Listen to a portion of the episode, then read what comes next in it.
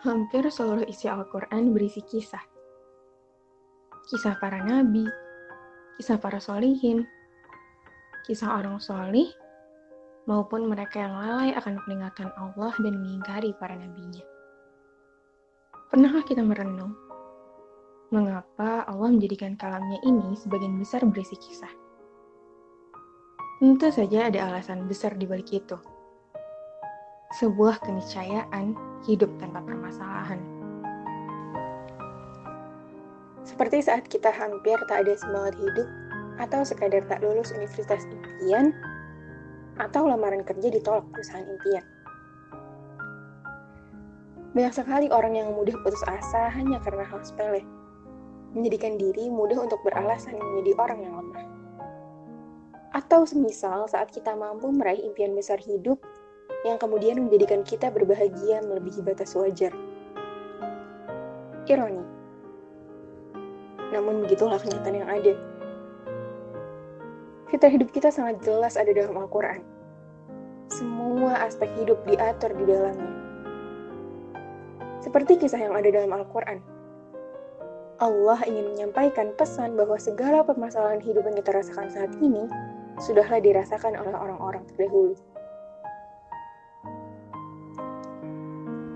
Semisal kisah Nabi Musa alaihissalam, saat beliau tak sengaja memukul orang, dan orang itu pun meninggal.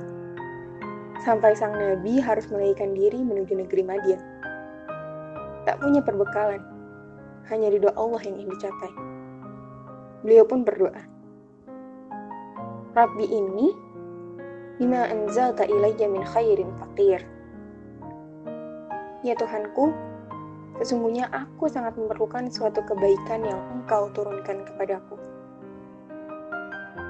Dari kisah sang nabi kita belajar bahwa di saat terdesak dan tak ada jaminan untuk bertahan hidup, maka menyadarkan diri kepada Allah dengan sebaik-baik prasangka, yakni berdoa, adalah cara terbaik yang bisa dan selalu bisa kita lakukan.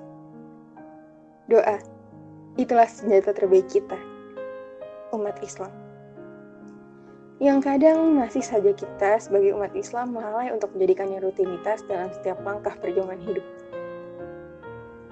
Wahai manusia, sungguh telah datang kepadamu pelajaran dari Tuhanmu, penyembuh bagi penyakit yang ada dalam dada, dan petunjuk serta rahmat bagi orang yang beriman. Masih banyak kisah dalam Al-Quran yang bisa kita ambil pelajaran dan solusi saat kita menghadapi masalah dalam hidup ini solusi terbaik dari manusia terbaik sepanjang zaman yang telah terbukti kebaikannya.